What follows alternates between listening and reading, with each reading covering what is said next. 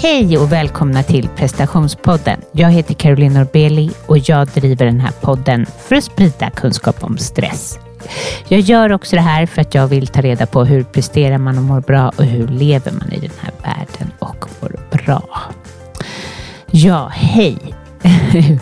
Jag har eh, fått spela om några gånger. Man blir lätt så att man låter, för varje gång låter jag lite surare. Så, att, så när det väl släpps avsnittet så har jag så här, hej och välkommen ifrån att man var så här, hej! Men så har det blivit fel så många gånger. Ja.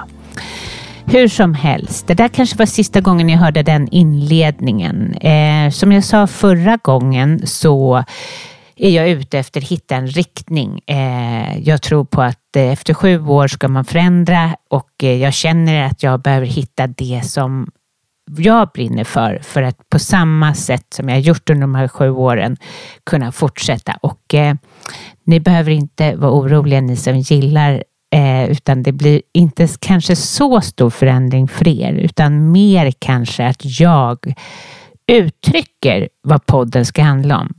Den ska ju givetvis handla om stress och utmattning och prestation och personlig utveckling. Men det jag verkligen vill att ni som ska lyssna på podden eh, vet och de som söker upp podden är att det här är podcasten som eller podden som inspirerar till förändring. För är det någonting som jag känner är min uppgift här i livet så är det att inspirera till förändring. Ehm, jag älskar människor som tar tag i sig själva, som vågar se på sitt mörker för att sen kliva liksom ste modiga steg framåt och göra förändring. Och jag, jag älskar företag som gör det också och eh, jag blir ofta väldigt provocerad av när folk stagnerar eller när jag själv stagnerar för den delen.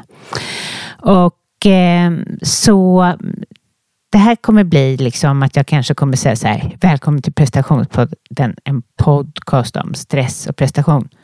Och podcasten som inspirerar till förändring. Så kanske det kommer låta. Och jag har ju jättemånga avsnitt bakåt, alltså hur många som helst, som kanske faktiskt inspirerar just till förändring. Eller jag vet att de gör det. Men att säga det, då blir det ju så mycket lättare. Då vet jag ju så här, eh, när jag ska fråga er till exempel, kan ni tipsa mig om någon som vill komma och prata om stress och utmattning eller någon som vill eh, som kan inspirera till förändring. Allting blir så mycket lättare.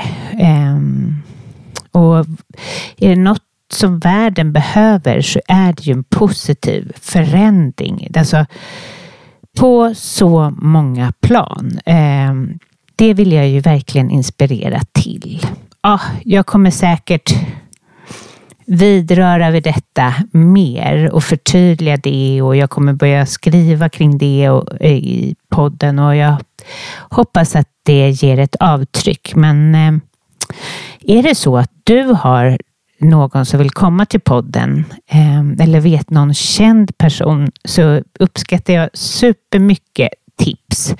Så tipsa mig på carolinetprestationspodden.se eller gå in på Instagram Caroline Norbeli coaching.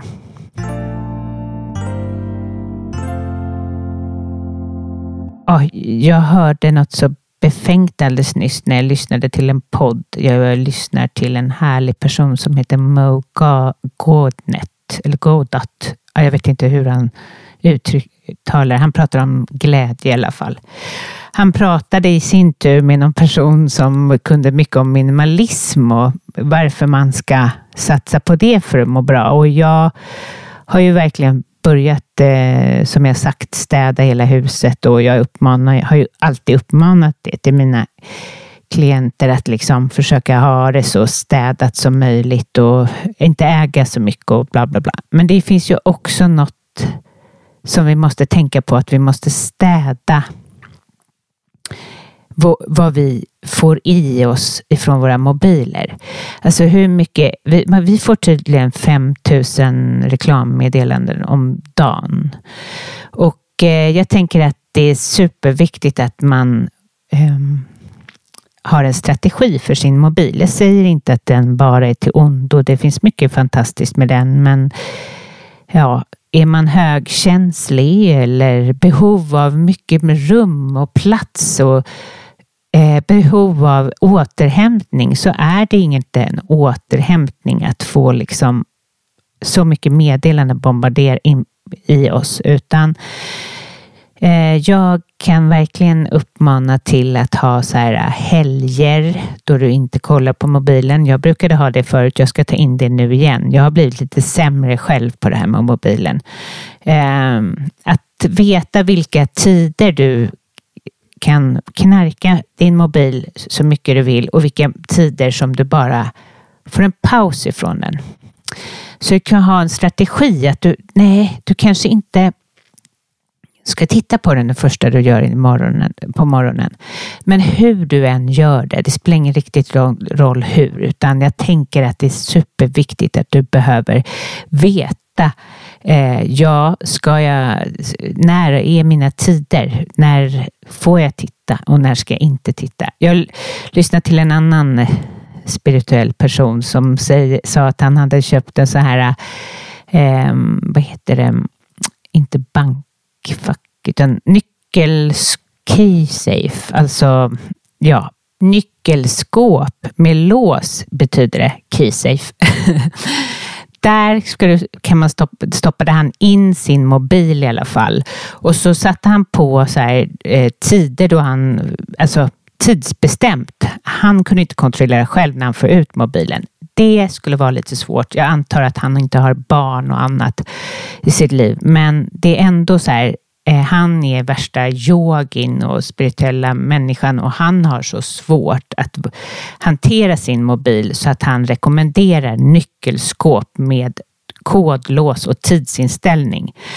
För att det gör oss så otroligt beroende. Så inte hacka på dig själv om du känner att du har svårt. Men som mycket annat här i livet, lägg in pauser och vila så går det jättebra att eh, sen hålla på med mobilen. Men när det blir så där, man kommer in i perioder då man bara stirrar på den hela tiden. Det tar energi. Och jag menar, dina tankar är så viktiga att de kommer ifrån dig och inte bara blir påverkade av massa meddelanden. Eh, och är man osäker på vem är jag och vad ska jag i mitt liv så är ju det här jätteviktigt.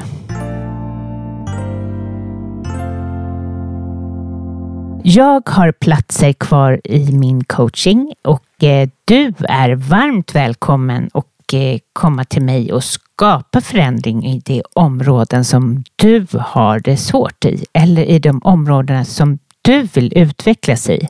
Och eh, det kan vara prestation, stress, det kan vara att du har tappat bort dig själv eller det kan vara att du drömmer om att göra någonting annat. Du är dränerad på ditt jobb, eh, men du kan inte ta dig därifrån av olika anledningar och behöver någon att bolla med. Eller så kan det vara att du bara vill, liksom, trots den här lågkonjunkturen, göra vad du drömmer om och jag då guidar dig dit. Eh, så gå in på carolinorbeli.com och eh, signa upp. Välkomna!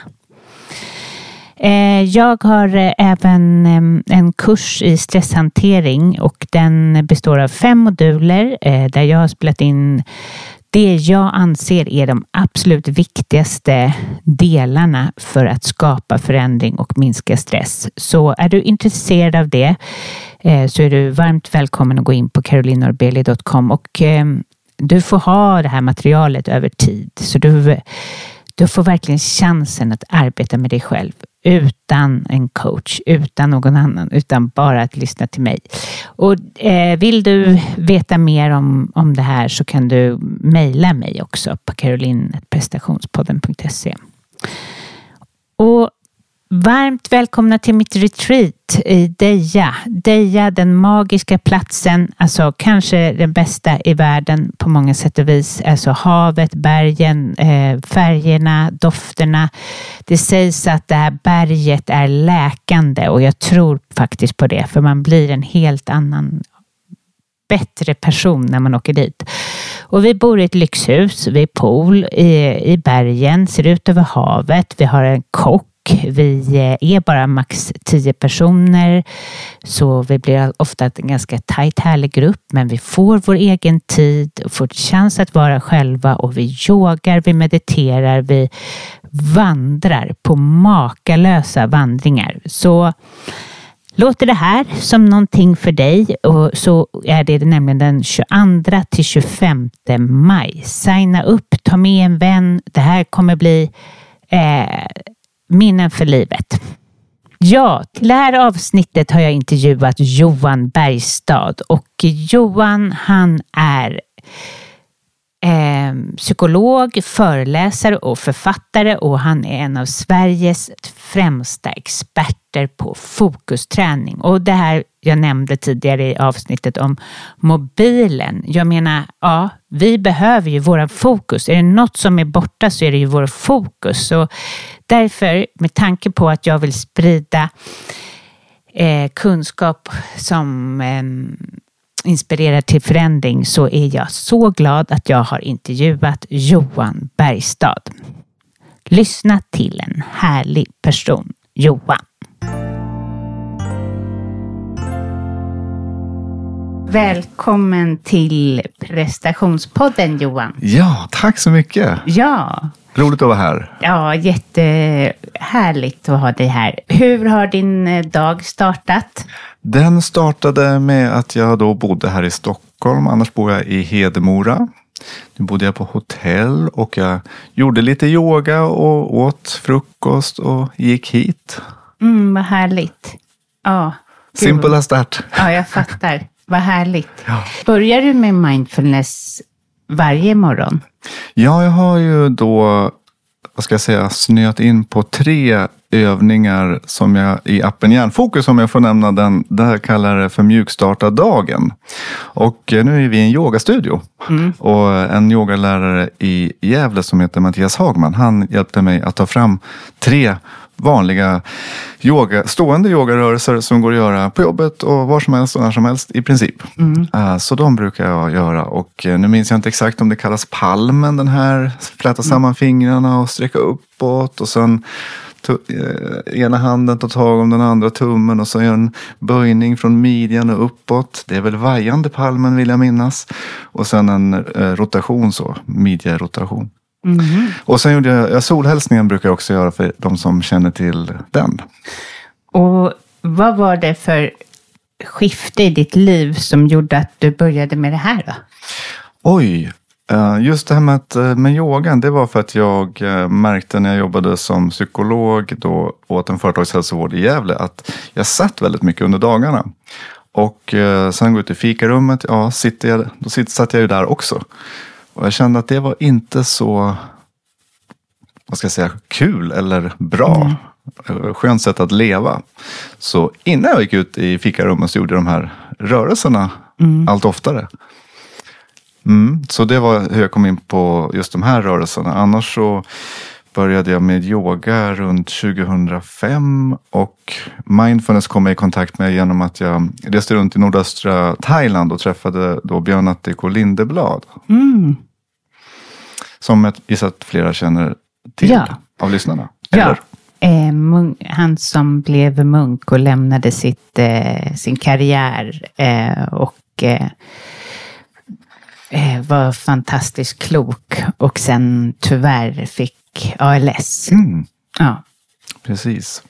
Så det var ett starkt möte att träffa honom där och eh, då kom jag in på ja, men mindfulness och sen samma år, det här var 1999 och sen på hösten där samma år så började jag på psykologprogrammet. Och så småningom så kom jag i kontakt med forskning runt mindfulness och eh, jag lärde känna förgrundsfigurer i Skandinavien som, eller som eh, Andres Kruse tänkte jag på i Oslo. Och även John Kabat-Zinn då som en som internationell så här, förgrundsfigur. Mm. Eh, jag fattar. Eh, och hur, hur var det? Jag hade tidigare velat ha Björn till podden. Björn och mm. Navid. De, ja. Hörde av sig, och, eh, fast det var bara Navid som kom. Men jag var lite... för att Björn hade något annat för sig. Ja, Ja. Men jag hade väldigt gärna haft med honom i Ja. podden. Han har ju gjort ett sånt stort avtryck Ja, hos oss alla, eller hur? Mm. Ja, men, eh, han hade ju en sån förmåga, tror jag, genom sin egen djupa practice också, att connecta. För han var så connectad inom sig själv. Och därigenom så kunde han säga det som behövde sägas. Alltså det var så här mycket intuitivt. Så du tror att han, han- även när han bodde i Sverige, när han lämnade, eh, att han praktiserade sin meditation? Ja visst, jag mediterar varje morgon så vitt jag vet. Ja. Ja, Ja. visst. Han kunde verkligen... Man kan verkligen, nu ska vi inte snöa in på honom, men man kan verkligen bli avundsjuk på vad han kunde komma i kontakt med sin visdom. Mm. Eller hur? Mm. Ja. Ja, men eh, jag hade förmånen att träffa honom sen i Sverige också. Ja, men han var så väldigt ehm, tydlig och nej, det, kanske ett gäng så människor som träffas och säger ja, ja, nu får vi vänta lite med. Nu är vi kvar i det här ämnet, bara avsluta det. Och liksom. Så eh, ja, men för mig var det också, jag hade ju aldrig mediterat innan det här egentligen 99. Och så har jag en bakgrund som journalist. Och jag var där i nordöstra Thailand av helt andra anledningar. En studie inom statsvetenskap då, innan jag sadlade om till psykolog. Och eh, så frågade jag Björn att ja, eh, du har ju sån himla spännande historia och jag skulle gärna göra en intervju med dig. Och han bara, ja, visst det går bra, jag är här. Och sen så reste jag då vidare lite grann och gjorde lite eh, ja, arbete inom den här studien inom statsvetenskap. Och så kom jag tillbaks kanske en vecka senare och hade då massor med frågor som jag vill ställa till Björn. Och så fick jag höra att eh, idag har vi en dag i tystnad i det här templet. Så det blir ingen intervju. Okej. okay. så, men du är välkommen att vara med. Och, ja, jag fick bo där liksom på en madrass och under ett eh, myggnät. Och, och meditationen var 60 minuter. Och eh, det var ganska utmanande för en som då aldrig hade mediterat. Att bara sitta i 60 minuter på ett hårt golv. Och ja, den rastlösheten och ont i ryggen. Och sen undan för undan märka hur det här bara... Det var som att det lossnade massa spänningar. Och även det här var ju som innan den digitala revolutionen. Alltså, det fanns ju ändå stress. Men att, eh, nej, det var fascinerande. Och sen märkte jag att jag mådde väldigt bra. Och Björn och hans eh, munk och nunnekompisar utstrålar mycket harmoni, glädje. Alltså det var verkligen så här en positiv käftsmäll. Hej, wake up! Allt du söker och strävar efter, det kanske inte är det du ska jobba på. Utan Nej. ägna en del av den energin åt att ta hand om dig själv istället. För att liksom försöka få ordning på allting eller göra karriär eller ja, vad man är upptagen av. Ja, för det är ju, eh, kommer jag vilja fråga dig om lite grann hur man får till en praktik. För även om jag är en människa som förespråkar meditation så är det, eh, det finns ett motstånd. Eh, varför vet jag inte. Det finns ju inte samma motstånd till att spela tennis eller, eh, eller styrketräna. Styrketräna är inte kul, men, det, men det, vad, undrar var, vad är det här motståndet för? Ja, jag, jag blir ju då nyfiken. Jag kan ju dels känna igen det själv. Mm. Och jag är nyfiken på att bara bolla tillbaka till dig. Mm. Vad, har du några tankar kring det? För det är ju jätteintressant och det är det som jag tror att jättemånga sitter med. Jag kanske tror att det kan vara att det kom att kroppen skyddar, kan det vara att kroppen skyddar en mot att känna alla känslor? Kan ju absolut vara. Mm. Bara, nej, sätt dig inte där. Det är jobbigt. Alltså, för dagar till exempel då man inte har sovit bra och så, då man är mindre har- harmonisk, är det ju ännu jobbigare. Då man skulle behöva det som mest. Då det här Ja. superredskapet som människan har fått blir så liksom svår. Ja, Ja. ja. nej, men det tror jag absolut. Och det är ju också en beprövad så här coping-strategi, det här med undvikande.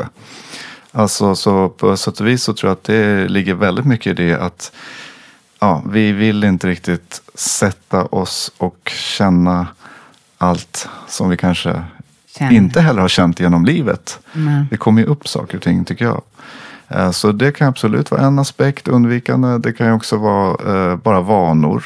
Att vi har starka vanor att göra, göra, göra och få, att vi har fått bekräftelse i det och inte så mycket uppmuntran till Ja, du, du är perfekt som du är eller du, du behöver inte prestera så eller du får bara finnas här och vad känner du, hur mår du och i skolan, alltså kan du sitta nu och känna kontakten med, med stolen du sitter på? Alltså det har inte de flesta fått så Nej. mycket, Nej, den här kroppsliga närvaron precis. Nej, men det blir väl... Eh, undra då om eh, kulturer där man mediterar mer på daglig basis, om de...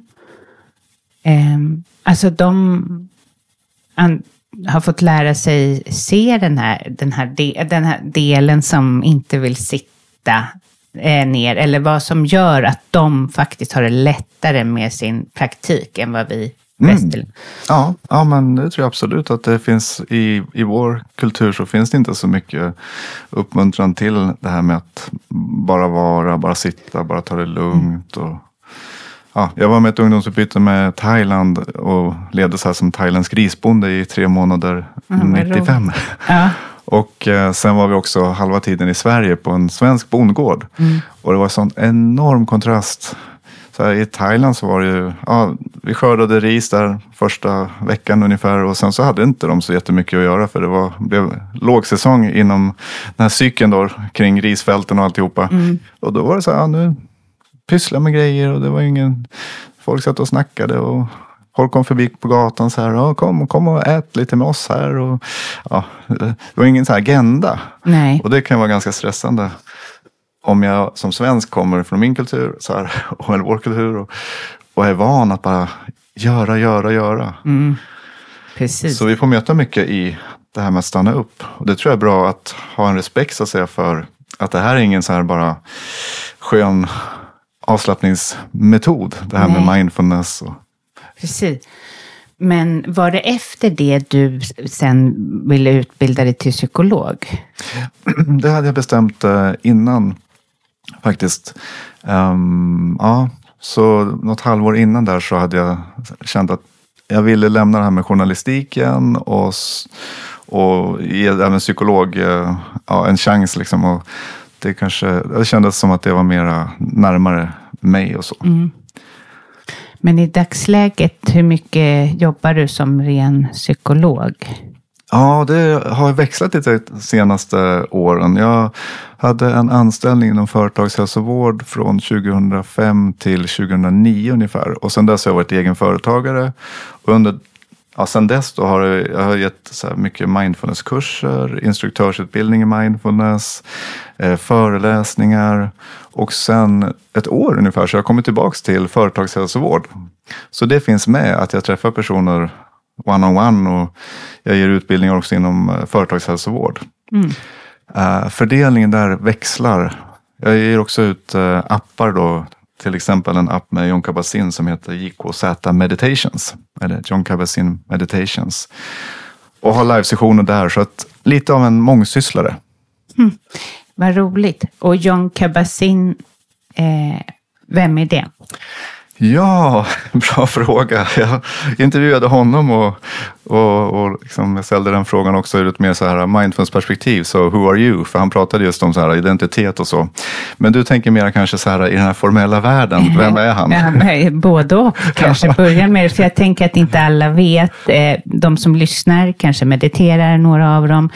Många vill säkert eh, få ett bättre hjärnfokus. Alltså, Mm, många vill eh, starta en praktik, men det, det men stöter på den här svårigheten som vi beskriver. Så jag tänker, och de kanske inte har hört talas om just John Nej, Kabat-Zinn. precis. Så han är molekylärbiolog i, i grund och botten. Mm. Eh, Han hade mycket så här, erfarenhet inom buddhistisk meditation och yoga. Mm. Och så under en retreat så fick jag den här idén att men det här som vi gör då på den här retreaten som han var på. Det skulle ju verkligen behövas där det finns mycket lidande i, i samhället i stort. Och var finns det som mest eh, lidande? Ja, det kanske är sjukhus där det är så mycket, men, så många som, som verkligen lider och har det svårt. Eh, och så 1979 grundade han en klinik då för stressreduktion i Massachusetts. Eh, och han grundade det här programmet som heter Mindfulness Based Stress Reduction som är ett åtta veckors program med övningar på 45 minuter som passar för patienter. Inte kanske så mycket i arbetslivet. Eh, ja, så lite kort om, om John Kabat-Zinn. Så, och han har så här en väldigt eh, vad ska man säga, dedikerad forskningsbakgrund. Så det tog han med sig direkt. Och han förstod att om det här med det här programmet som han skapade och han eh, fick något utrymme i någon sjukhuskällare där han fick hålla till. Och om det skulle så att säga komma ut i världen då behövdes det forskning. Så väldigt tidigt så började han eh, ja, göra studier runt eh, det här. Och sen kom det andra som kunde se det hela mera utifrån. Så att studierna blev ju bättre och bättre. Framförallt kanske från 2005-2006 någon gång. Där forskning runt mindfulness verkligen tog fart. Och vad såg man i forskningen? Ja, många saker. Ehm, och ehm, bara som ett exempel på hans, eh, vad ska man säga, eh, smarthet runt, eller sin dedikation till forskning. Så var det så att ehm, han fick någon fråga om om han, om han kunde spela in eh, en övning som människor med psoriasis kunde lyssna på medan de fick ljusbehandling. Och då gjorde han det. Så, fick de, så gjorde de en studie så här. Ehm, och då de som fick eh, den här, lyssna på den här meditationen samtidigt som de fick den här ljusbehandlingen. De, deras eh, eh, alltså effekterna, de positiva effekterna av eh, den här behandlingen. Eh, den, de ökade med, om det nu var ja, 60 procent vill jag minnas att det var. Alltså det var verkligen mycket. Nu har jag inte den här studien jättefärsk så, men det var verkligen väldigt markant. Så där någonstans. Och jag var så här, men det kan inte stämma. Alltså, den enda skillnaden är att de här människorna har lyssnat på, om det nu var 20 minuter mindfulness. Eh, och, och det läkte så mycket. Det var ju personer då som studerade hur mycket hade psoriasisen gått tillbaka. Så de gjorde om studien. Och ännu mer noggrant och du vet, så här random, randomiserade, kontrollerade studier, kontrollgrupp och fick samma resultat. Så det var bara ett sådant specifikt exempel. Och mer generellt så finns det forskning som visar att mindfulness, om du till exempel har eh, mycket ångest och oro och genomgår eh, ett sådant program då som under åtta veckor med eh, det som kallas MBSR, mindfulness-baserad stressreduktion. Så dämpas ångest. Om du känner dig deppig så höjs stämningsläget. Och så finns det också forskning runt eh, att det här eh, minskar upp, eh, smärtupplevelsen. Ja, det finns forskning runt immunförsvar. Jag som jobbar mycket med företag också. Där är, är det också studier som visar att eh, människor mår mycket bättre. Stressnivåer går ner. Det gör att, att människor mår bättre och också kan så att säga prestera bättre. Apropå eh, prestationspodden så är det som en verkligen så nyckelverktyg. Eller vad vi nu ska kalla det här Ja. med, med mindfulness. Ja, eh, precis. Men eh, bara för att reda ut. Eh, människor som, alltså så här, jag har intervjuat folk som förespråkar eh, meditation. Och, alltså att sitta tyst för sig själv utan att ha, hö, lyssna på något och tycka att det är det man ska göra. Att sitta i tystnad. Det här med mindfulness är någonting annat. Man kommer inte lika djupare in i sig själv. Att lyssna på någonting. Vad tycker du? Oj, mindfulness. eh, John Kabat-Zinn definierar mindfulness som en särs- ett särskilt sätt att rikta uppmärksamheten här och nu och på ett tillåtande eller ett icke-dömande sätt. Ja. Och det kan jag öva här och nu med dig. Alltså att mera informellt. Eh, och om jag är så att säga attached till att det måste vara väldigt tyst och så vidare. Ja, då blir det ju kanske färre tillfällen i mitt liv. Nej, men jag tänker inte tyst, utan att det inte ska vara någon som guidar. utan Okej, att man har det. sin inre guide. Jag förstår. Där kan det ju se olika ut. Jag tror att Alltså min första erfarenhet det var att här, sitta i 60 minuter som jag nämnde mm. i tystnad, ingen guidning. Mm. Det var bara instruktion innan att om fokus vandrar eller uppmärksamheten mm. vandrar, kom mm. tillbaka till andningen. Så här, have fun. Och så var det inte mer med det. Nej. Eh, det tror inte jag egentligen är så optimalt för de flesta. Utan att eh, om man kan tänka sig så här guidning som en slags eh, byggställningar när ett hus håller på att byggas. Och sen när det här är klart, ja då kanske inte de här byggställningarna behövs längre. Eller det gör de inte. Nej. Så när personen lär sig mindfulness så förespråkar jag guidning. Men när tiden är mogen liksom att minska ner på guidningen och kanske, ja men då är det jättetoppen att mm. liksom, ja, avstå från att lyssna.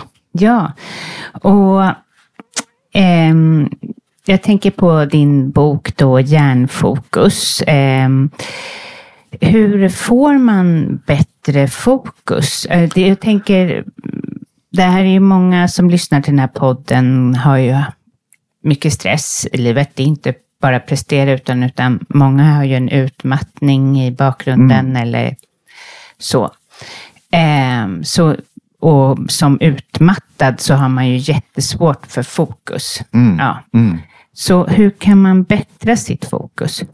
Ja, där finns det ju många vägar också till att få ett bättre fokus. Det kan ju vara att eh, ta promenader, eh, att komma ut och få dagsljus.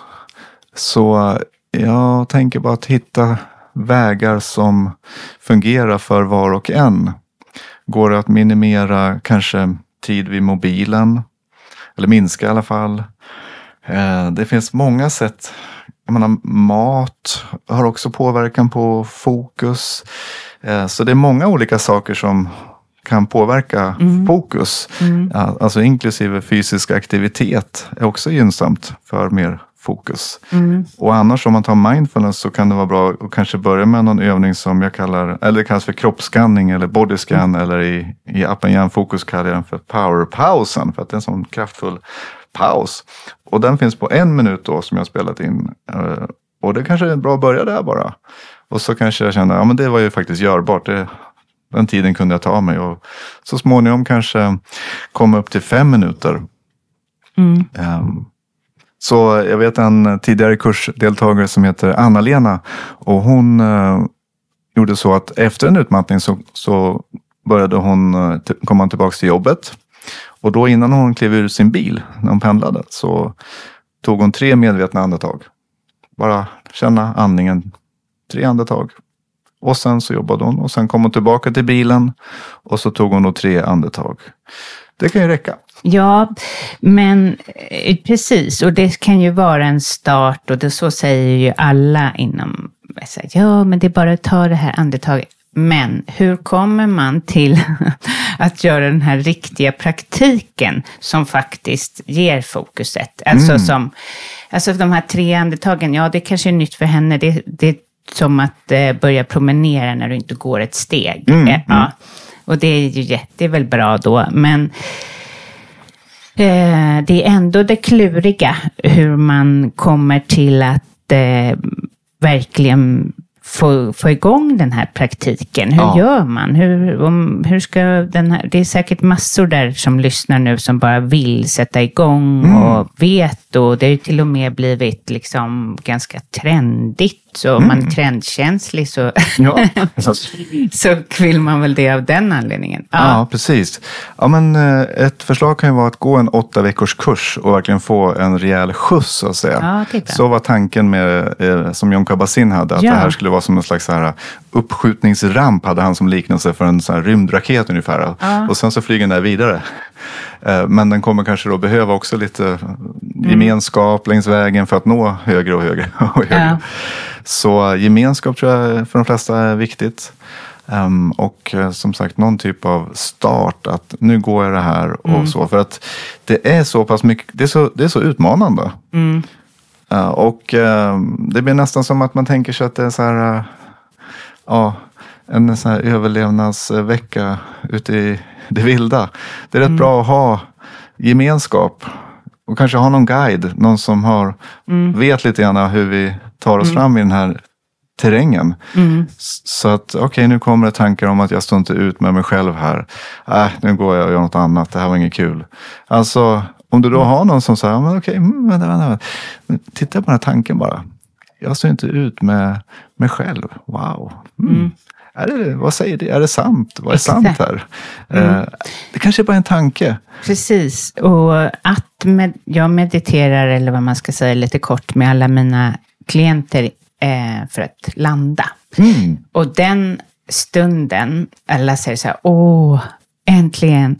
Ja, eh, alltså det är så mycket enklare att sitta ihop. Ja, alltså, precis. Det är Exakt. som en helt annan energi. Det är Ja. som att de där, det där bagaget kommer inte då Mm. på samma sätt, Nej. utan det blir lugnt.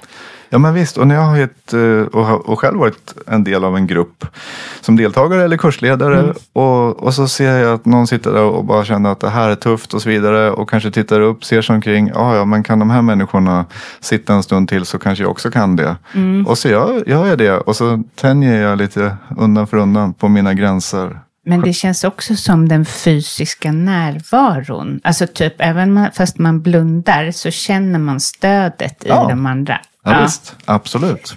Så det kan ju vara, fast det är inte helt lätt att hitta någon att meditera med där på morgonen.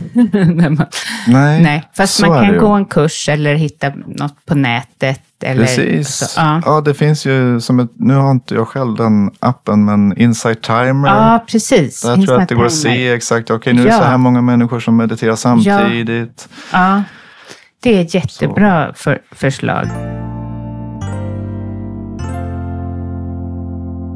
Att meditera är ett sätt. Ehm, att se över sin kost. Antar Mm. att du tänker att man inte ska ha för mycket socker. Som, Precis. eh, man behöver tänka på liksom att hålla nere de här topparna, om man säger så, för att Ja. få bättre fokus. Ja, precis. Mm. Och eh, minska mobilen.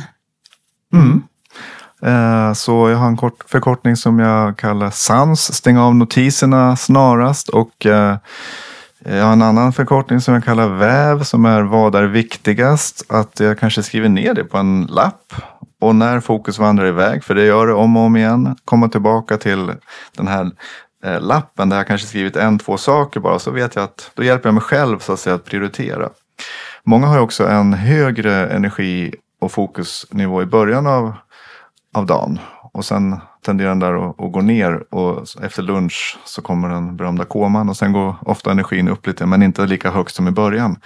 Och då kanske, oavsett vilken, hur min eller lyssnaren så att säga kurva, energi och fokuskurva ser ut. Om det går att tajma då mer komplexa uppgifter om man har det i sin, sitt liv. Då går det, okej men då ska jag inte kanske börja med de här små sakerna och sociala medier och så vidare när, när jag egentligen har som bäst fokus. Eh, utan då kanske jag ägnar mig åt någonting annat. Och då kan jag ett sätt att vara helt enkelt lägga mobilen i ett annat rum. Kanske ha en plats. Jag har i hallen till exempel tycker jag är en bra plats. Och då vet min hjärna att mobilen är en bit bort. Det är inte, så, det är inte lika, det är som att lägga undan godiset för små barn så att säga. Precis, och jag har eh, hört också att eh, alltså, om, man får en notis så tar det 25 minuter för att återgå till fokus. Mm. Ja, det finns diverse Ja, olika studier om de här grejerna. Precis. Något sånt i alla fall. Och prestationen går ju ner när man har mobilen bredvid sig. Det Precis. finns det studier har vi ju från Ja. Harvard. Ja, ja, Exakt. ja, det är ju spännande. Ehm, så det kan absolut vara en, en poäng att, eh, att, eh, för som du är inne på, det finns det kallas tror jag, eh, brain drain, att man liksom helt enkelt inte är lika smart. Det dränerar hjärnan på, på smarthet också. Att ha bara eh, den blotta närvaron av telefonen. Så om jag skulle haft min telefon här nu, nu är den inte här, så det, men då skulle kanske du och jag enligt studier känna att eh, kvaliteten i kontakten mellan oss blir inte lika bra. Så Nej. om folk sitter och fikar kanske har mobilen undanstoppad. Eh, och även vad gäller prestationer. Att vi presterar sämre om mobilen är bredvid oss. Även om det är på flygplansläge. Så det är bättre att ha den en bit bort. ja. Ehm, är det några fler du... ehm, ja, precis. Och det här är ju minimera distraktioner då på jobbet. Ehm, Ja, eller hemma. Eller hemma. Var som Ja. Ehm, och eh, det här med dagdrömmarläget som jag har hört dig prata om. Mm, ja, precis. Så hjärnan har tre system för uppmärksamhet. Ett är, jag kallar det för den inre chefen, så det är viljestyrt fokus. Det är som att hålla en ficklampa och jag kan rikta den till dig. Jag kan vrida på huvudet och rikta den mot någonting annat, en vägg eller en viss uppgift, en annan uppgift. Det är den inre chefen som är lokaliserad till främre hjärnbarken. Och sen finns larmsystemet och dagdrömmarläget. Och larmsystemet ligger djupare i hjärnan och när det en gång i tiden prasslade till ute i naturen så drogs vårt fokus dit direkt. Och syftet med det här larmsystemet det är att vi ska överleva. Mm. Eh, idag är det inte så mycket att det prasslar till en enstaka gång utan det är mängder med eh, distraktioner. Och då kan det vara bra att dämpa distraktionerna så att inte det här larmsystemet blir för aktivt. För det slår ut vad den, här, den inre chefen vill. Det handlar mer om vad jag vill ägna mig åt. Det här är den inre chefen. Så. Ah, och dagdrömmarläget då, om jag inte ägnar mig åt en viss uppgift eller jag fångas av någonting, någon distraktion eller någonting annat. Uh, till exempel jag kanske står i duschen, jag är ute och går på en vanlig runda. Då tenderar dagdrömmarläget att aktiveras. Och det är beläget mellan hjärnhalvorna och det står för kreativitet. Och det står också, baksidan är att det är lätt att fastna i ältande och oro. Så alla de här tre är bra och det är bra att ha en balans mellan dem. Och det är bra om kroppen är någorlunda spänstig och kan gå ner i vila. Samma sak med hjärnan. Att jag kan välja att nu fokusera på den här uppgiften och nu släpper jag det och gör ingenting. Och då kan det bli en mer, ska man säga, harmoni i, i mellan de här systemen som vi behöver allihopa. Okej, okay, så man ska försöka det då, alltså minska distraktioner för att få eh, lugnet. Ja. Mm. Och eh, jag mm, pratade förra, eller ja, när, vet ju inte när det var. Det var något tag sedan jag pratade mycket om att ordning mm, just det. är viktigt. Det måste ju vara ett, eh, något som, som du, alltså det måste ju vara en av eh, punkterna helt enkelt. Ja, jag känner själv i alla fall att om jag skulle ha massa grejer på min skrivbord. Jag har svårt att, så att säga, att det kan bli något nytt kreativt eller om jag ska skriva en bok eller något sånt här. Jag vill ha det tomt mm. så att det finns plats för nytt. Uh, ja, så det, samtidigt så någon balans där. Att det, det går inte att få 100% ordning jag har fyra barn i alla fall. Jag tycker det, det, det är som att uh, minstingen där, han det smular grejer och det är liksom, det är så här, det bara händer grejer. Det, det, det är som att, eh, vad säger man, uh, skyffla snö medan det snöar. Det, leva med det liksom. Mm. Och inte bli pedant. Så. Nej, Men precis. däremot uh, ha någon slags grundordning tycker jag i mitt eget liv är, mm. är skönt. Mm. Ja men precis.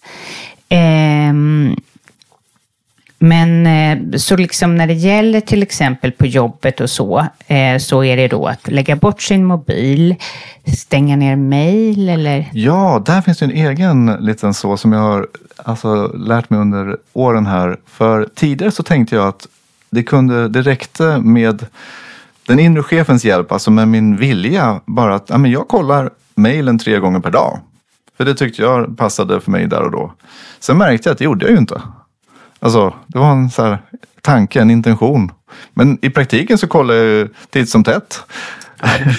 Gud vad det så himla... Ja, så bara, jaha, nu har det kommit in något reklam här. Ja, precis. Jätteintressant.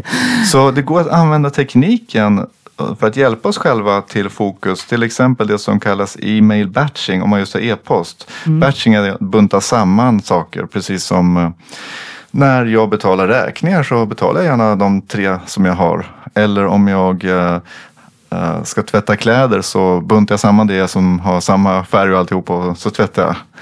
Ja. Um, och om man tar då kopplar det till e-posten så kan jag ställa in hur ofta vill jag att den här digitala brevbäraren ska komma till mig. Mm. Är det så här stup i kvarten, Nej, det behö- alltså, för mig kanske det räcker en gång i timmen. Så nu har jag ställt in så mejlen levereras en gång i timmen. Och det gör ju att jag kan, om jag nu håller på och skriver på mejl, då blir inte jag heller störd. Nej. För det är det som händer eftersom om man tänker det här eh, larmsystemet. Okej, det kommer en förändring. Vi är ju designade för att vara, vara, vara nyfikna på det. Eh, Det gör ju att jag kanske håller på med något viktigt, känsligt eller något eh, mejl som kräver mitt fokus. Och, och så har det kommit något nytt. Ja, vad tar min uppmärksamhet vägen? Mm. Jag inte stannar kvar med det här som jag egentligen skulle behöva ägna mig åt.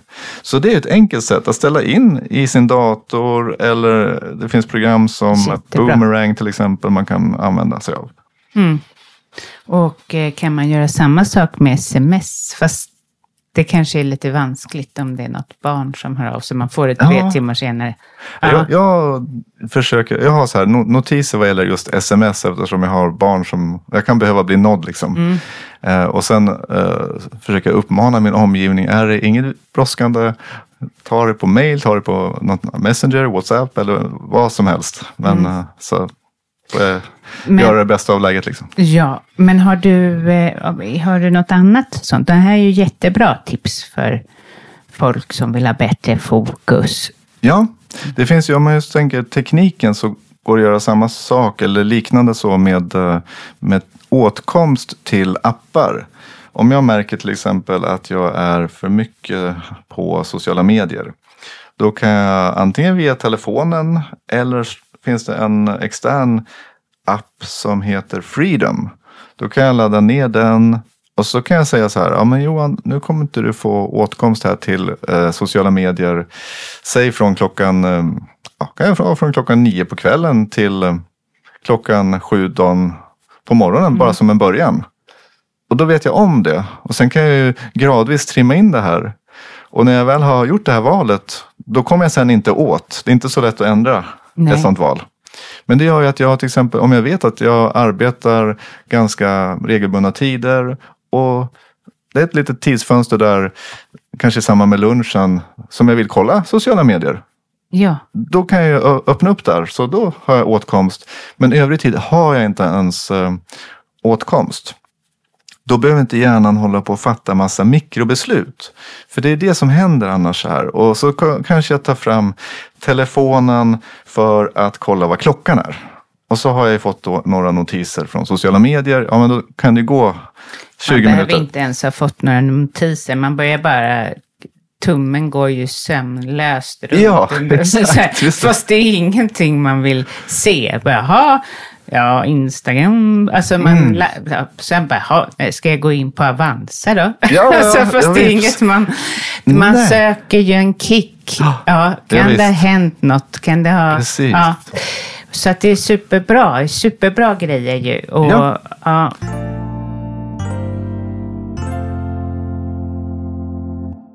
Apropå det här med tiden så kan ju eh, en annan bra sak vara att ha en van, ett vanligt armbandsur.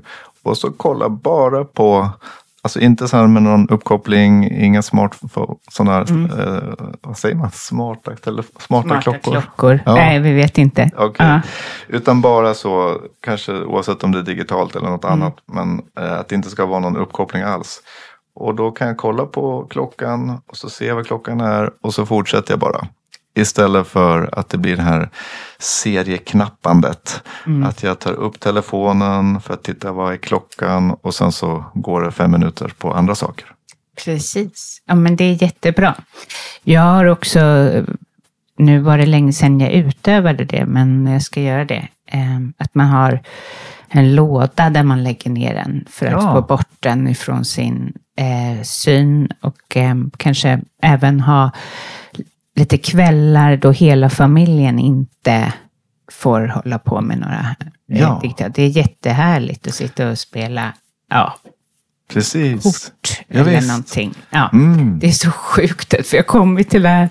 Att det ska vara någon raritet, att det ska vara så här, ja, det var härligt. Det här var ju göra någonting riktigt, det var ju härligt. Ja, ja. men jag tror att det är det. Om eh, människor får så tänka tillbaka på särskilda stunder som har betytt någonting och så. Då tror jag att det är ofta Ja, jag satt bara i bilen med någon förälder.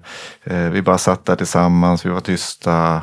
Mm. Alltså, det, är något, här, mm. det är något som kan hända i det. Mm. Alltså, som inte är just...